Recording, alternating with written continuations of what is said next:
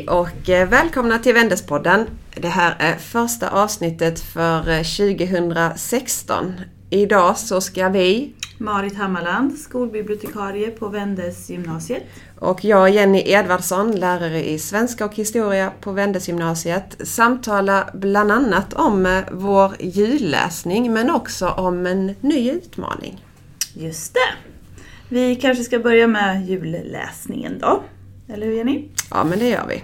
Har du eh, läst något spännande nu när du har varit lite ledig? Ja, det har jag. Eh, till min julsemester så tog jag med mig Utvandrarna, helt enkelt. Vilhelm Moberg. Och i samma stund nästan som jag skulle börja läsa så var det någon radio som gick så här i bakgrunden. Och då var det en tjej från Bokhora som var där och pratade. En sajt som tipsar om bra böcker. Och i slutet så frågade radiopresentatören henne, vilken bok tycker du vi ska läsa nu? Och då säger hon, jag tycker alla ska läsa Utvandrarna. Och då kände jag bara, ja, ja, ja, det är väl klart. Då kör vi. Ja. Och jag ska säga, jag håller på, för det är ju några sidor. Och jag gillar den så mycket. Mm. Enkelt skriven, men ändå väldigt detaljrika beskrivningar av händelser och personer och hur det var på den tiden. Och det är ju några händelser som liksom sätter sig fast verkligen och som man minns, eller som jag minns från filmen. Och det är ju då när lilla Anna, eh, hon är fyra år, hon är så hungrig så att hon äter upp ett helt fat med råggröt. Och eh, hennes eh, lilla mage som har levt på svältkost så länge tål ju inte detta. Hon dör liksom i sina magsmärtor när eh, rågen sväller i hennes mage. Och eh, ja, det, jag grät och grät när jag läste det där. Ja. Och det är också den här händelsen då som får Kristina att ändra sig i fråga om flytten. Eh, Karl Oskar har ju sedan länge velat flytta till Amerika och lämna gården och allt. eh, Men då bestämmer hon sig för att nej, jag vill någonting annat för mina Mm. barn. Mm. Och jag fattar liksom inte hur man stod ut med det där. Och ja, de gjorde ju inte det heller utan de tvingades ju faktiskt att eh, flytta. Det gick ju inte längre. Och det här är ju högaktuellt idag med hur det ser ut med människor på flykt. Mm. Och ordet flykt, alltså det säger ju sig självt. Det är ingenting man väljer. Mm. Man tvingas till det. Och det är så vidrigt. Jag vill aldrig hamna i den situationen. Jag vill vara i mitt hus Ja. min familj och ja, Mm. man kan inte fatta. Ja, du har också läst den här förstår jag. Ja, Ja. Så är det ju. Jag har läst Utvandrarna. Jag läste den för rätt så många år, alltså originalversionen. Mm. Sen eh, kom det en återberättad version nu 2015 från LL-förlaget. Eh, Och den läste jag. Mm. Jag tyckte faktiskt att den också var riktigt bra. Det är lite mer avskalat och koncentrerat, själva handlingen och så. Men den ger en rätt så bra bild ändå av hela händelseförloppet och ver- verkligen högaktuell, Mm. alltså ämnet i sig. så. Och en parallell till eh, julkalendern Mm. också. Mm. Det avsnittet där när de måste emigrera. Precis, Så precis. kunde jag prata med mina barn om, om Utvandrarna. Nu läser mamma en bok. Ja. Kommer ni ihåg avsnittet när Ja. de åkte iväg på båten? Precis. Ja, just det. Ja, emigranter. Ja, just Ja. det. Bra. Ja, Mm. ja men så är det. Det har varit mycket, mycket historia så med julkalendern ju. Mm. Mm. Ja. Annars så när det gäller min julläsning så har jag faktiskt läst mest eh, sakprosa och eh, bland annat en del litteratur som handlar om ja, vad ska man säga, litteraturdidaktik och samtal och hur man kan jobba med samtal i klassrum. Ehm, Jag läste Mikael Tengbergs avhandling Samtalets möjligheter. Den har ju några år på nacken, jag tror den kom 2011. Och den eh, handlar ju om litteratursamtal i skolan och jag tyckte det var mycket intressant läsning. Eh, speciellt att det så tydligt framgår då att eh, den enskilda läraren har väldigt stor betydelse för hur samtalet blir. Men också hur svårt det kan vara att ibland få samtal att utgå från elevernas tankar och erfarenheter. Som vi försöker göra, du och jag, ju när vi jobbar med Aidan Chambers modell, att vi utgår från elevernas tankar. Men eh, i avhandlingen då så visar Tengberg att många lärare är rätt så styrda. De har liksom plockat fram frågor eh, och områden som ska diskuteras i de här böckerna som man då sen jobbar med och har samtal kring. Mm. Eh, Och det gör ju att motivationen, det kunde jag ju se då, att motivationen kanske försvinner och det blir inte så mycket dialog utan det blir ju mer att läraren frågar och eleven svarar. Så eleverna pratar liksom inte sinsemellan Nej. eller så. Och eleverna vet att det finns ett rätt svar. Ja, ja precis. Så eh, ja, jag tyckte den var mycket intressant. Och att jag just fastnade ju för den boken det har ju att göra med att den ligger rätt så nära det här med Aidan Chambers och boksamtal som, som vi har jobbat med både föregående läsår och detta läsår. Mm, precis. Ja, det har vi gjort och det kommer vi att fortsätta med. Mm. Och jag minns, vi pratade om att vi skulle använda modellen efter att ha tittat på Ja. film också. Mm. Och det måste vi ta tag i. Ja precis, Mm. det har vi inte hunnit testa än men Nej. det har vi hela våren på oss kanske. Precis. Och jag hoppas ju att fler lärare här på skolan nappar på Mm. det. Så Mm. att man liksom kan köra samma grej på alla program. Mm. Eh, Så att det blir lite samsyn här. Precis. Och vi berättar ju om det här samarbetet för lärarna nu i fredags. Mm. Och eh, ja, jag tycker någon borde nappa. Och jag, det positiva är ju att jag finns ju med och stöttar Mm. hela vägen. Precis. Ja, Att I samtalen eller tar hand om en grupp eller Mm. så att man kan jobba på det här sättet. Ja. Ja. ja men det hoppas vi väl. Mm. Mm. Eh, jag kanske ska nämna någon ungdomsroman också som jag läste nu under julledigheten. Eh, det är också en bok som har några år på nacken. Den är skriven av Joy Nicholson och heter Klanerna i Palos Verdes. Eh, jag gillar den här boken. Det är en rätt så mörk bok kan man väl säga. Eh, det handlar om ett tvillingpar, Medina och Jim. Eh, där Medina är, den egentliga huvudpersonen. Eh, och de här barnen, ungdomarna, de växer upp i en familj som är lite dysfunktionell kan man väl säga. Den funkar inte riktigt. Pappan han är konstant otrogen och tittar på alla kvinnor med långa ben. Eh, och mamman är ju då en hemmafru, eh, en forna modell som nu då har ja, funnit nöje i att hetsäta eh, dygnet runt kan man väl säga. Så hon har ju också då gått upp rätt så mycket och barnen tycker ju det är lite pinsamt och lite skämmigt och så. Och min, Medina då, den här tjejen som eh, är huvudperson i boken, hon gillar ju inte riktigt att vara en ung kvinna. Hon eh, vill ju vara lite mer som en eh, pojkflicka. Hon vill kunna göra precis det hon själv vill. Till exempel då åka, eh, vad heter det när man eh, åker på vattnet? Eh, surfar! Surfar heter det, just det. Jag tänkte bara på snön nu för vi har fått så mycket snö ute. Eh, så hon är ju helt galen i det här, de bor vid havet, som vill ju ut och lära sig surfa. Och det är inte helt lätt att vara tjej och komma in i de här killgängen och få en, och en plats eller så. Eh, och Medina blir ju rätt så snabbt eh, mobbad, både då för sitt utseende och sin klädstil men också det här att hon inte hänger med tjejerna och gör tjejgrejer utan hon är lite udda och ensam. Och även mamman börjar liksom eh, ja, behandla Medina rätt så illa. Eh, medans mamman i gengäld höjer tvillingbrorsan Jim då till skyarna. Så det blir liksom lite konflikt mellan barnen också i familjen. Eh, men jag gillade den och den är som sagt lite mörk, lite jobbig så. Men det finns hur mycket som helst att diskutera. Det finns hur mycket som helst att lyfta liksom. Ja, verkligen få upp till ytan.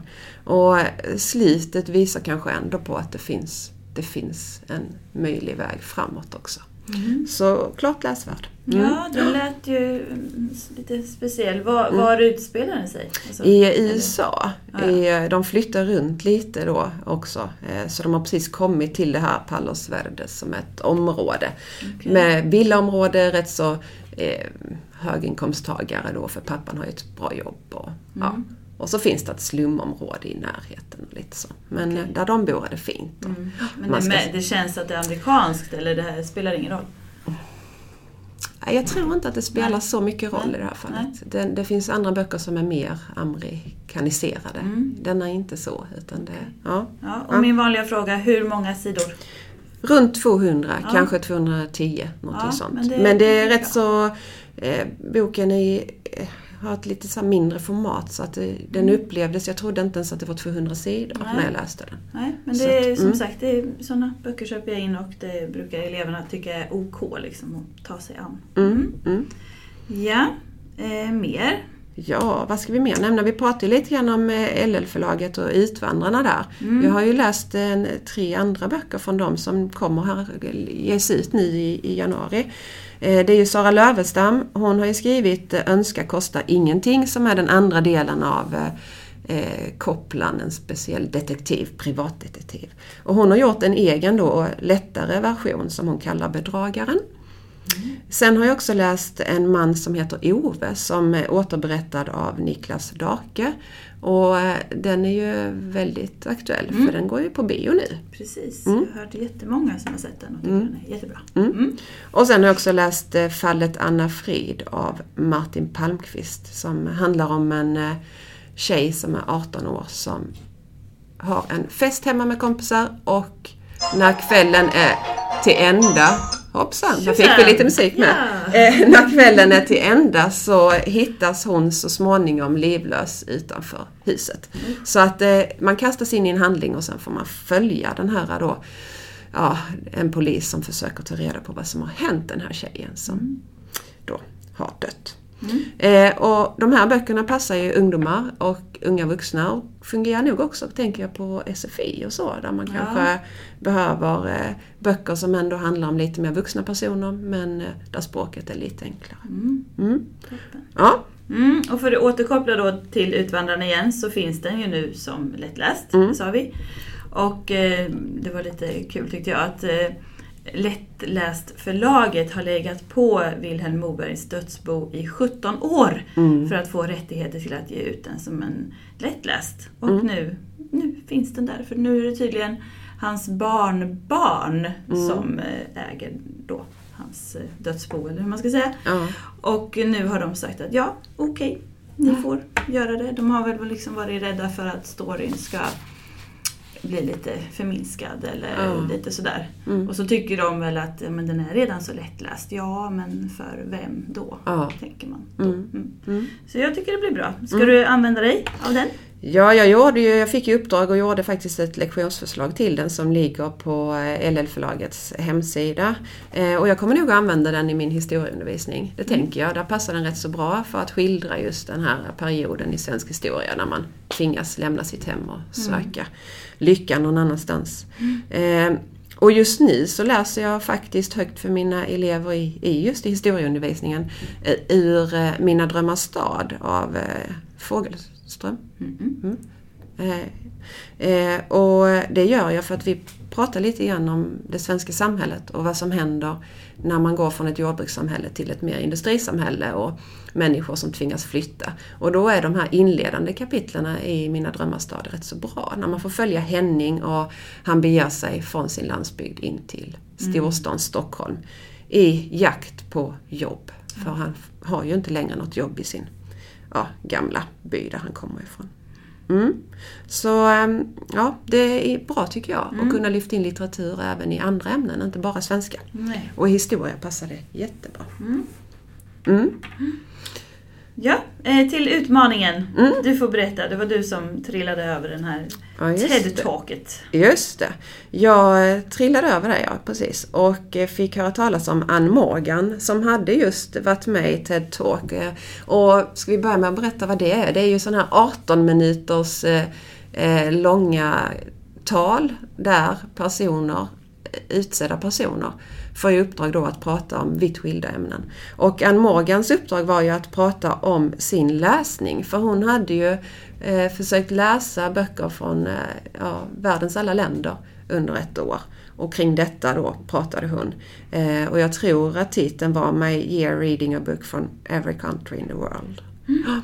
Man kan googla på det. Man kan googla på det ja. Och hon har ju både en Facebookgrupp och hon har en hemsida. Eh, och ja, jag tror hon ligger på Instagram och så också om man är intresserad. Så Ann Morgan och eh, A year of reading tror jag man kan söka på så kommer det nog hur mycket som helst. Mm, jag Mm. tycker det var jättehäftigt att kolla in det Mm. talket.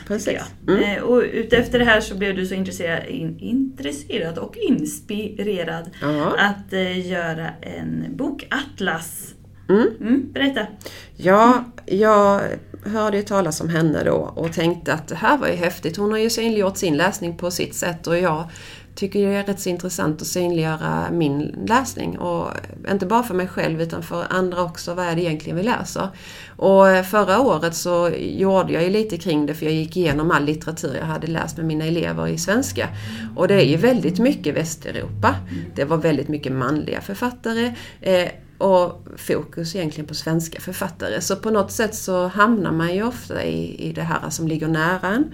Eh, så nu har jag tagit fram en bokatlas och gjort ett uppdrag åt mig själv då att jag under ett år ska försöka läsa så många böcker som möjligt med författare som är, då är födda i olika länder. Mm. Så författarens födelseland är liksom utgångspunkt för eh, boken då, eller att jag kan bocka av ett land. Och på den här bokatlasen som jag har gjort i Google Maps, eh, den heter Jennys bokatlas, så sätter jag då en sån här pin, som en liten flagga kan man väl kalla det, eh, i varje land där jag då har läst en bok. Och så skriver jag författarens namn och bokens titel. Och sen har jag då gjort också olika lager eller olika färgkodat de här flaggorna. För jag läser ju både bilderböcker för barnen hemma och jag läser en del ungdomsböcker här och liksom till jobbet och för att vara lite uppdaterad. Sen läser man ju en del sakprosa och en del mer vuxenromaner. Så att det är fyra olika färgkoder. Så att ja, successivt kommer det att bli en, en eh, atlas med olika flaggor i olika färger i så många länder som möjligt. Ja, och den här mm. kan man väl hitta någonstans? Just det, man kan söka på eh, Google och söka på Jennys bokatlas. Eller så kan man ju gå in på min blogg, Jenny på Vendes. Där har jag lagt bokatlasen nu i, en, i ett flöde i högersidan så att där kan man se den direkt och klicka sig in om man är intresserad. Ja, så mm. intressant. Du får visa mig hur man gör sen. Mm. Jag vill också. Ja. Och det är jättebra att tänka till lite. Alltså mm. Man hamnar ju så lätt i den här bubblan om man läser liknande böcker hela tiden. Och så. Mm. så är det ju. Eh, och vi tänkte ju också då att vi skulle ha en liten utmaning för den här podden. För vi har ju också pratat framförallt om svenska böcker och västeuropeiska och ja, författare kanske som har engelska som sitt eh, modersmål som sen översätts till svenska. Mm. Så nu ska vi försöka också vidga våra vyer. Eh, och vi pratade lite om att vi kanske skulle börja med en världsdel och försöka hitta böcker därifrån. Och från vilken världsdel ska vi då börja? Då väljer jag Asien! Mm. Ja. och jag har faktiskt redan, eh, jag hittade en bok här på Österänggymnasiet i Kristianstad så jag har reserverat den. Och den är skriven av en författare som heter Tong Su. Bra, lättuttalat namn. Eh, hon, han, han är från Suzhou i Kina. Mm. Och boken heter Den röda lyktan.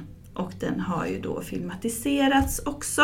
Mm -hmm. Man lär sig så ja, mycket här så. Spännande. Mm. Och jag ska läsa en bok som heter Det är dags att inte freaka ut av Stephanie Tromley. Eh, och eh, det är en kvinnlig författare som är född i Manila på Filippinerna. Uppväxt i eh, Hongkong och jag tror att hon numera är bosatt i USA. Jag är inte säker men det ska jag ju ta reda på till nästa gång. Boken ska jag i alla fall läsa och det är ju en ungdomsroman. Ja, och den mm. är så fin. Mm. Utgiven av Opal. Förlag, ja. Och så här en mjuk fin perm. Mm. Ganska stora bokstäver. Mm. Ja, det gillar jag. Mm. Och det var lite kul för det första ordet jag läste när jag slog upp den det var Buddhas statyett. Mm, ja, precis. Så då känner vi vi är på rätt väg. Ja, nu är ja. vi på väg in i Asien, vidgar våra vyer och får kanske en annan kultur. Ja, ah. ja spännande. Det tycker vi. Mm. Ja, men eh, vi tar nog och avrundar här. Mm. Vi går och tar en kopp kaffe diskutera vårens utmaningar. Mm. Lite föreläsningar står på schemat. Mm. Du ska till bett. Mm. Och sen blir det kanske både Stockholm och Göteborg för oss båda. Mm, man ska ha kul på jobbet, eller hur? Ja, men klart. Men berätta om bett. Ja, jag ska ju till bett nästa vecka. Det är ju en jättestor eh, mässakonferens om eh, digital teknik och pedagogik.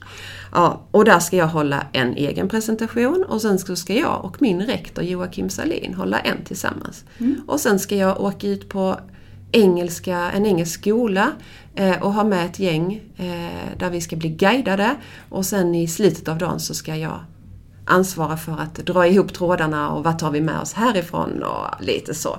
Så det är en fullmatad vecka för mig i storstan London. Det låter Jättespännande. Oh. Och sen får vi ju se vad som händer med våra gemensamma uppdrag. Kanske, kanske lite här Stockholm, Göteborg. Men det ligger vi lite på så länge och berättar mer framöver. Ja, det gör Mm. Så eh, nästa gång vi hörs blir den 2 mars och då kommer du ju att få höra om de här böckerna skrivna av författare från Asien. Hej så länge säger vi! Hej då! Hej hej!